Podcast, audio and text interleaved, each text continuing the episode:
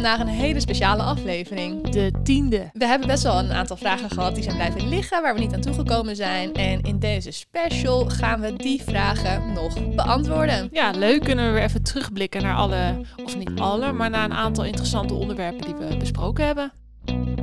Welkom bij De Opvoedkast.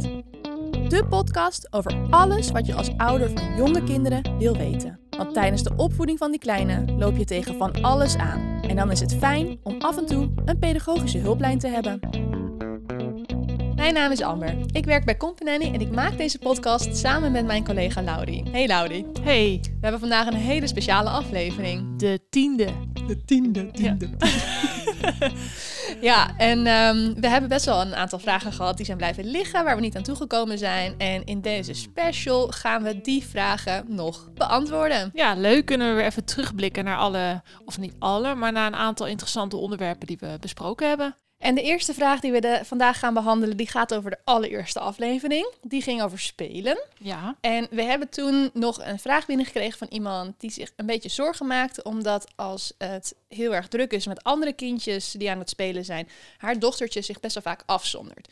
Moet zij zich zorgen maken als haar dochtertje vaak liever alleen speelt? Nee, op zich staat is er helemaal niks zorgelijks aan als je kind graag veel alleen speelt. Maar er zijn wel twee dingen die ik daar even bij wil noemen. Eén is, zie je dit gedrag opeens? Dus is je kind ineens van de een op andere dag alleen aan het spelen? Nou, uit deze vraag maak ik op dat het vooral gerelateerd is aan momenten van drukte.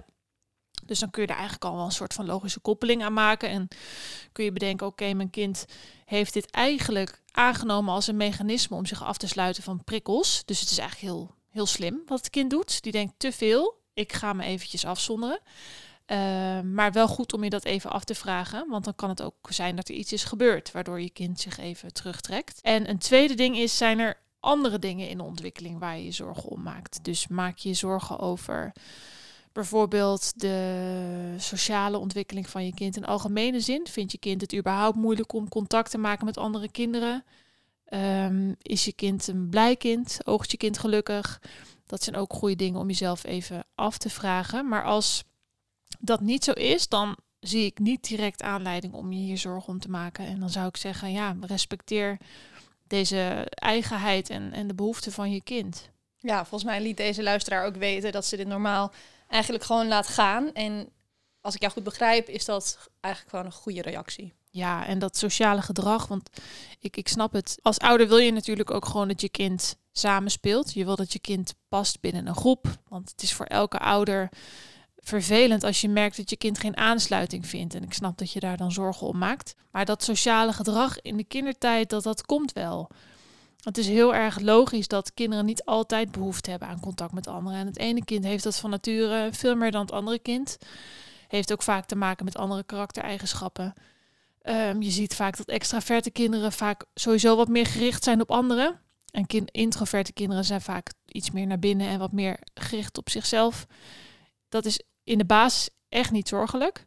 En je helpt je kind ook niet door hem te willen veranderen. Dus heel erg de nadruk te leggen op dat samenspel. Dus bijvoorbeeld juist veel vriendjes uit te nodigen thuis om dat sociale spel te bevorderen. Maar je wil je kind wel stimuleren om ook te leren om samen met andere kindjes te spelen. En daarnaast ook misschien zelfs wel die situaties toch aan te gaan om daar ook weer mee uh, ja, te oefenen of, of dingen uit te kunnen halen. Hoe kun je dan als ouder, als, als dit toch wel iets is waar je je kind graag wat meer in wil, ja, toch pushen eigenlijk. Mm. Uh, hoe kun je dan als ouder toch dit op een goede manier stimuleren bij je kind? Ja, uh, het stimuleren van samenspel kun je doen door wel de interesses van je kind te volgen en daar dan een klein schepje bovenop te doen. Dus bijvoorbeeld in het geval van dit kind. Uh, misschien heeft dit kind uh, een hele specifieke interesse in een bepaald soort spel. Of in uh, bijvoorbeeld de natuur, in beestjes of in ehm, een sport die hij of zij heel leuk vindt. Dan kun je ook bijvoorbeeld als ouder denken, oké, dan ga ik mijn kind inschrijven bij een clubje wat aansluit bij die interesse. Dus dan is je kind wel in zijn eigen soort van veilige bubbel van bekend terrein. Van, oh ja, dit vind ik interessant. Ja. Maar moedig je daarmee wel ook het, het sociale stuk aan, doordat je kind met andere kinderen is die ook veel interesse hebben in bijvoorbeeld de natuur. Ja, goede tip. Uh, dan gaan we verder naar um, de volgende aflevering, waar ook nog een vraag uh, voor was blijven liggen. Dat was de aflevering over de straffen en belonen. Daar kwam nog een vraag binnen van een ouder die zegt: Ja, ik heb soms echt het idee dat mijn kind gewoon expres stout doet. Uh, gewoon expres om mij uit te dagen, doet ze dingen die niet mogen. Hoe moet ik hierop reageren? Ik ken dat gevoel dat je denkt, ja, maar dit, dit doe je gewoon om, om... Mij te pesten. Ja, dat gevoel kan je dan echt hebben als ouder. Maar als je dat gevoel even objectiveert en denkt, ja, is dat wel zo? Dan is dat eigenlijk niet zo. Goed is om het even te onderzoeken, dit gedrag. Dus als dit, dit negatieve gedrag, dit stout doen, zoals dat wordt omschreven, Ga eens onderzoeken wanneer zie ik dat stoute gedrag? Waar komt het vandaan? Is er een bepaalde prikkel of een bepaalde aanleiding waar, waar dat gedrag steeds op volgt? Dan geeft dat al heel veel informatie. Of is het juist mijn reactie als ouder wat dat gedrag eigenlijk in stand houdt? Hoe reageer ik daar eigenlijk op? Zou je dan zeggen dat, het, dat je dan als ouder, als je dat dus gaat observeren, dan misschien wel vaak erachter komt dat dat extra stoute gedrag vaak komt wanneer er nog geen één op één tijd is geweest of quality time. Dat die kinderen toch die grenzen dan meer gaan opzoeken, omdat ze toch blijkbaar nog die, die aandacht nog niet genoeg hebben gehad. Omdat je druk bent geweest met bijvoorbeeld kind ophalen van de kinderopvang en boodschappen doen en dan moet koken en ja, dan... Dat is een heel goed voorbeeld. Het kan een hele goede oorzaak zijn van dat gedrag. En als je dat hebt ondervonden, dan kan je dat ook heel mooi omzetten in iets positiefs. Dus stel precies wat jij net noemt, dat is hetgeen wat je eigenlijk signaleert. Dan kun je ook heel goed zeggen, in plaats van uh, dat negatieve gedrag te benoemen, eigenlijk zeggen, weet je wat, volgens mij heb ik jou nog helemaal geen knuffel gegeven vandaag. Kom eens even bij me. Of... Uh, Volgens mij heb jij zin om even samen met mij een eh, boekje te lezen. Ik noem maar iets. Maar dan kan je het heel mooi ombuigen naar iets positiefs. Omdat je eigenlijk als ouder ook wel ziet, dit is even een, uh, een, roep om eigenlijk positieve aandacht. Maar dan weet je kind op dat moment het gewoon niet nee. te vragen. Nee, en jonge kinderen die zijn dus ook eigenlijk echt nog niet bezig, zeg jij, met daadwerkelijk expres dingen doen niet mogen, alleen maar om jou te pesten. Nee, er ligt, er, ligt altijd iets aan ten grondslag. En het is echt niet makkelijk om daar altijd achter te komen. Maar het is wel goed om het even te onderzoeken. Het kan ook zijn dat het altijd aan het einde van de dag is en dat je merkt, eigenlijk is je kind dan gewoon op, is gewoon moe. En die gebruikt dat negatieve gedrag om een uiting te geven van dat gevoel van vermoeidheid. In de basis is dat grenzen opzoeken in de peuterleeftijd natuurlijk gewoon heel normaal. Dus als je kind steeds weer die grenzen opzoekt, ja, geef ze dan ook. Want je kind geeft dus ook een duidelijke behoefte aan. Ik zoek een grens, nou dan geef jij die grens. Vrijheid binnen kaders. Ja, en geef naast die, die, die, die stoute momenten, zeg maar, ook genoeg aandacht aan die momenten van positief gedrag zodat die de nadruk krijgen en niet zozeer het negatieve. Nou, mooi. Dan gaan we door uh, naar de volgende vraag. Er kwam een vraag binnen over de aflevering die over slapen ging. En zij zei dat haar baby van drie maanden overdag eigenlijk helemaal niet wil slapen. Niet in het eigen bedje. Um, en eerst nog wel in de wandelwagen, maar nu ook steeds slechter. En um, nou, hij valt pas na heel lang in slaap als ze dan met hem gaat wandelen. Na ongeveer een half uur. Ook als ze naar de eerste slaapsignalen, zoals een gaap, gaat wandelen. En hij wordt ook boos als ze hem in bed legt, gaat heel hard huilen. Wat kan deze moeder nog doen om haar kindje te helpen overdag te slapen? S'nachts gaat het wel goed, overigens. Mm, nou, dat is wel belangrijk.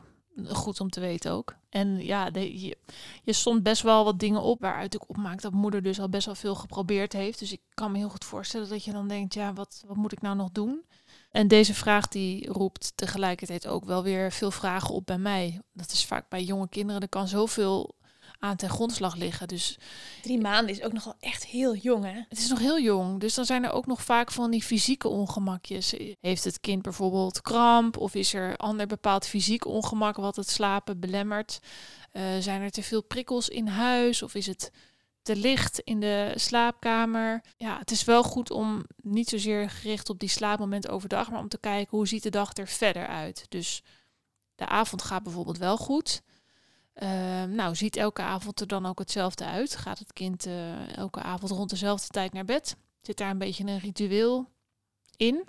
Want dan zou je daar dus smiddags ook beter op moeten letten. Ja, dan zou je eigenlijk de middagslaapjes een beetje vergelijkbaar moeten behandelen.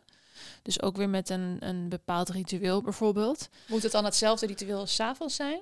Uh, nee, dat hoeft niet per se. Maar wel, um, het is wel goed om bepaalde herhalingen um, te laten plaatsvinden, zodat het kind dat koppelt aan het slapen. En het hoeft niet precies hetzelfde te zijn, maar het kan wel bijvoorbeeld zijn dat je voor het slapen altijd even gaat verschonen. In alle rust. Waar we het eerder ook over gehad hebben. Het belang van rustig verschonen met aandacht. Uh, zelfde slaapzakje aan.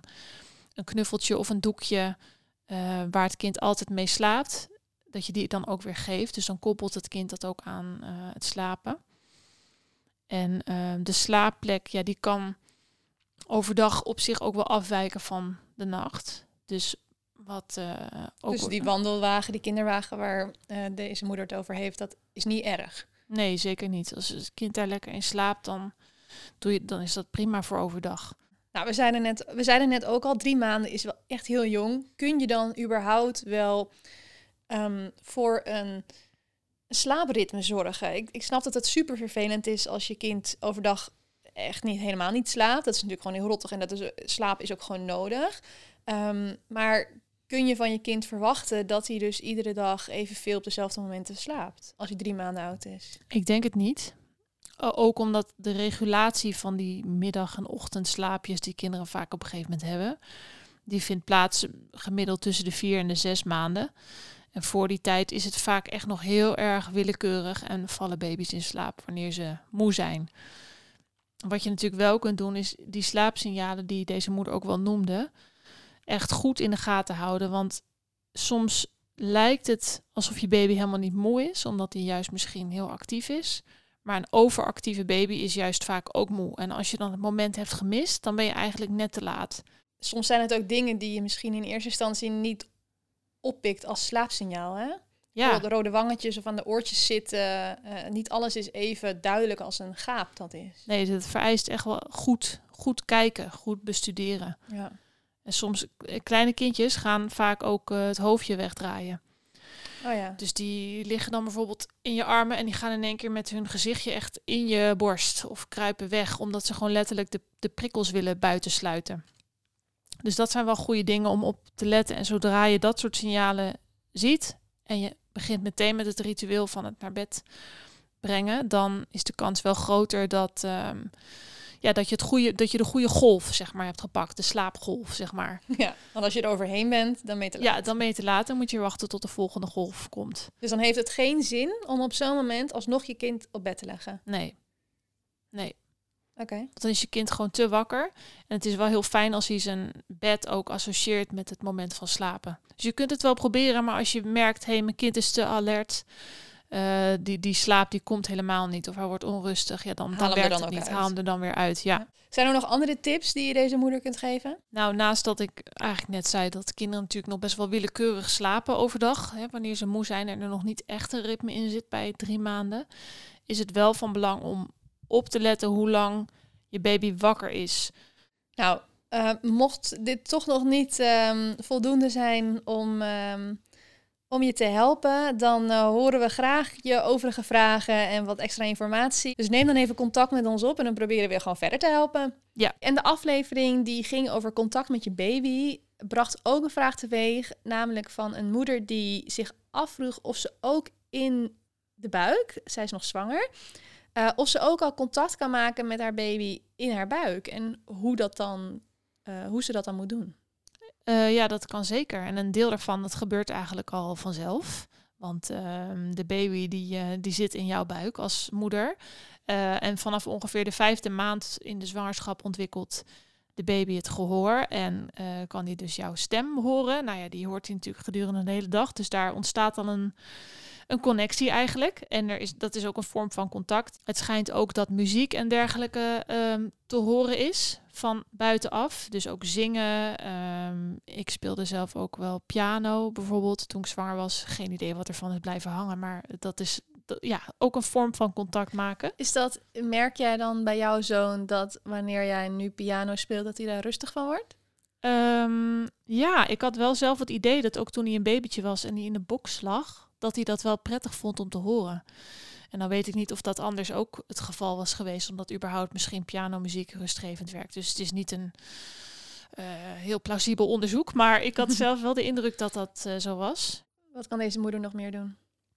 Je kan eh, ook je hand op je buik leggen ehm, en, en een beetje druk uitoefenen op bepaalde plekken.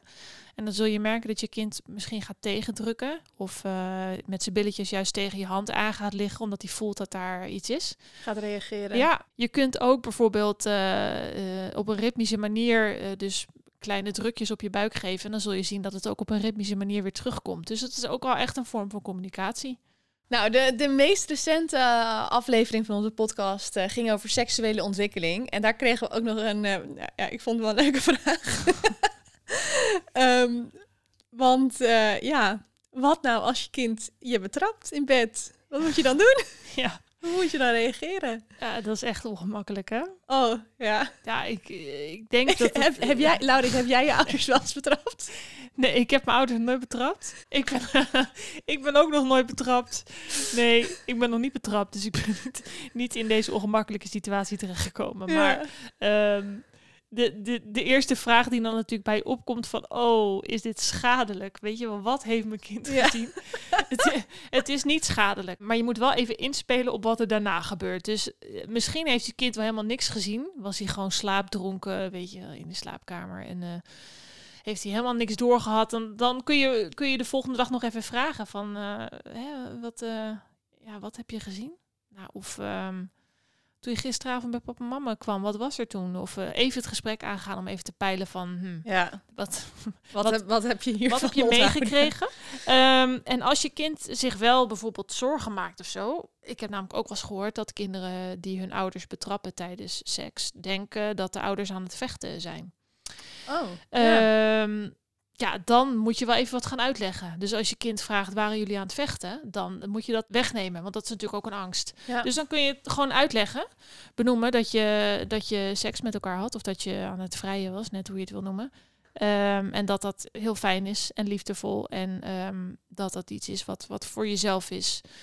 Wat privé is. En ehm, dat het niet de bedoeling was dat, dat het kind het zou zien.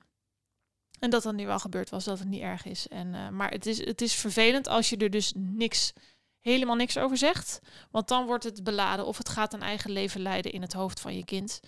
Dus ik zou wel zeggen, ehm, ja, peil eventjes hoe, hoe het leeft. En als er dus echt vragen komen, dan ja, gooi het dan eh, open. Mocht je nou als luisteraar zelf ook een vraag hebben, stuur die dan in naar podcast.company.nl en dan eh, behandelen we die in een andere aflevering. Bedankt voor het luisteren.